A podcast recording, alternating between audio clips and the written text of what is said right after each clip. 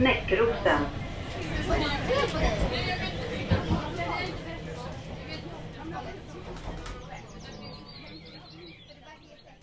Och när jag kommer och går här så förbereder jag här lite längre fram eh, lite leverpastej. Så att när jag kommer gående så plötsligt kommer de bara springande så ställer den sig så här precis nedanför mig. Sen böjer man sig ner så här och sen käkar den ur handen. Och jag brukar passa på när det är går skolklasser här, dagisklasser, när jag ser dem komma så brukar jag avvakta så att de får se själva händelsen. Och eh, det uppskattas ju. Och även alla människor, eh, de stannar ju då när de ser den här. Det går ju ganska mycket folk här så att eh, och jag fick en känsla av när jag kom ganska långt bort här att den börjar, ja, jag kände igen mig på något konstigt sätt. Då tittade den så här lite snett upp på mig så här, vad är maten då? Så fick man böja sig ner och käka med handen. Ungefär 60 häckande fågelarter, sju fladdermusarter, massor av fisk och groddjur. Få platser i Stockholmsområdet har en så rik natur som Råstasjön. I det här avsnittet av Natur på SL-kortet tar vi en två kilometer lång promenad runt just Råstasjön som ligger mittemellan Näckrosens tunnelbanestation och Nationalarenan i Solna.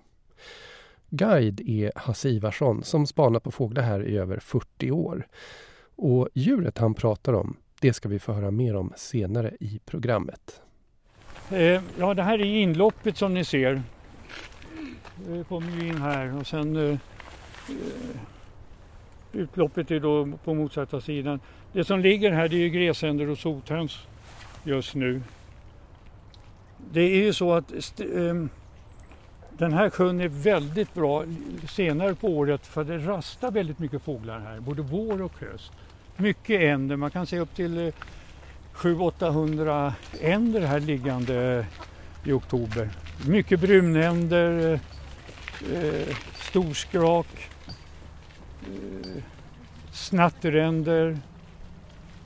Snatteränderna kommer vi få se sedan. Det är, eh, var den sällsyntaste anden en gång i världen men nu har den blivit vanligare. Men eh, vi kommer förmodligen se den ganska nära lite längre fram. Råstasjön lever med sina årstider. På försommaren håller sångfåglarna en intensiv konsert i alsnåren runt sjön. På sommaren simmar små andungar runt och tigger mat av förbipasserande människor. Och på vintern flyger hägrar från Djurgården hit för att äta utfodrad mat. Frågan är när det är som bäst att besöka området. Hasse Ivarsson har lite svårt att bestämma sig. Och när är det då bäst på året att vara här tycker du? Ja, det är maj, juni som det mest eh, fåglar här. Mängden av fåglar är maj, juni och sen är det oktober.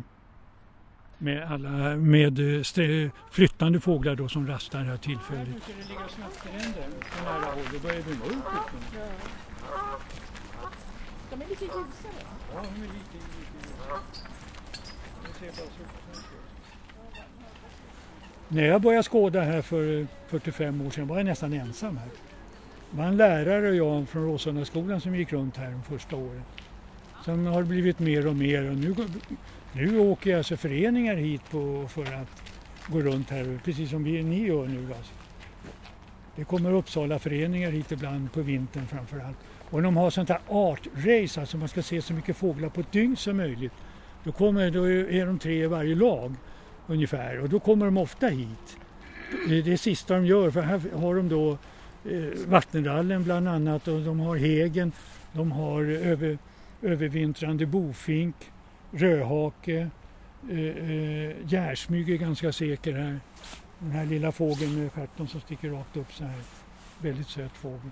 Så det är många som avslutar sitt race här nere. Området runt Råstasjön har i decennier varit föremål för åtskilliga byggplaner. Inte minst har de senaste åren varit ett uppmärksammat bråk mellan Solna kommun och olika miljöföreningar. Det var 2014 som kommunfullmäktige i Solna antog en detaljplan för Råstasjöns östra hörn. Och det handlade då om att bygga ungefär 600-700 nya bostäder.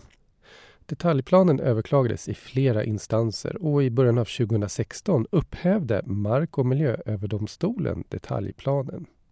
Solna kommun hade möjlighet att överklaga domen men valde att avstå. Och det blir alltså inga bostäder här. Men striden är ändå inte över, berättar Hasse Ivarsson. Ja, man kan säga striden när det gäller byggnation är över. Därför vi vann ju i, i Mark och miljööverdomstolen. Så att eh, det har vi räddat. Nu eh, kommer det att bli ett naturreservat. Men eh, nätverket Rädda Råstasjön som de heter som bildades för tre år sedan. Vi strider för ett större naturreservat. Vi anser nämligen att om det bara blir strandskyddsgränsen som är 100 meter runt så kommer man, finns det möjlighet att bygga på olika ställen alldeles intill naturreservatet. Och det vore inte så bra. Därför tycker vi att den yttre gränsen till naturreservatet ska vara, ska vara vägsystemet runt sjön. Och där är ni inte riktigt överens med kommunen som vill ha strandskyddszonen 100 meter som gräns? Ja. Nej, vi är inte överens med kommunen. Det här beslutet ska fattas någon gång, tror jag, i slutet på året i kommunfullmäktige eller början på nästa år. Men vi bearbetar politikerna så gott vi kan. Men vad var det nu för djur som Hasse Ivarsson pratade om i början? Det vanligtvis så skygga djuret som på vintern springer fram för att äta leverpastej ur Hasse Ivarssons händer.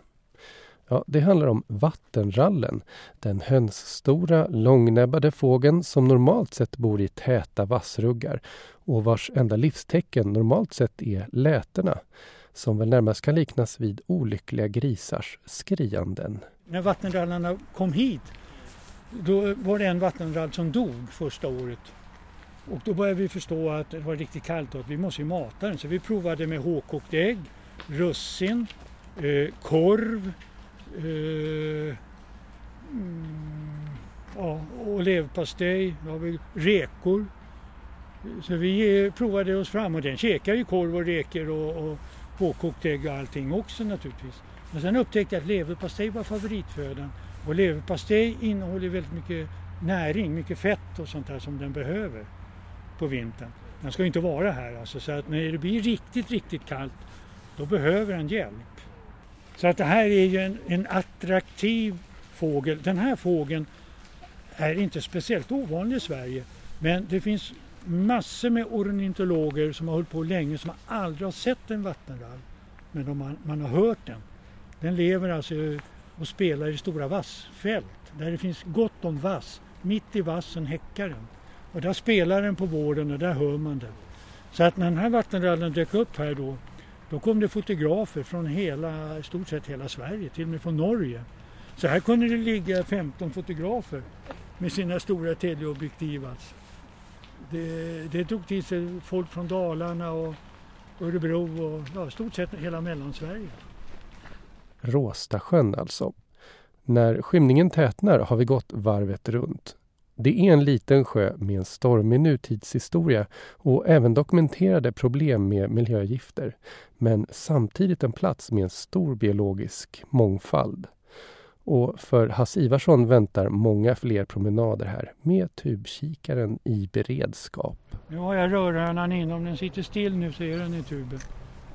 Eh. Där. Mm. Har alla sett den röda pannan? Ja, jag ser det. Från. Och den, eh, den kommer sakta simmen. Den saknar ju eh, den röda pannan, den är mer brun. De, eh, det är en liten trevlig fågel faktiskt. Som, den är inte helt ovanlig men jag gissar att det häckar uppåt en fem par här. Kanske något, några fler, fler vissa år. Ja, ska vi vandra vidare kanske?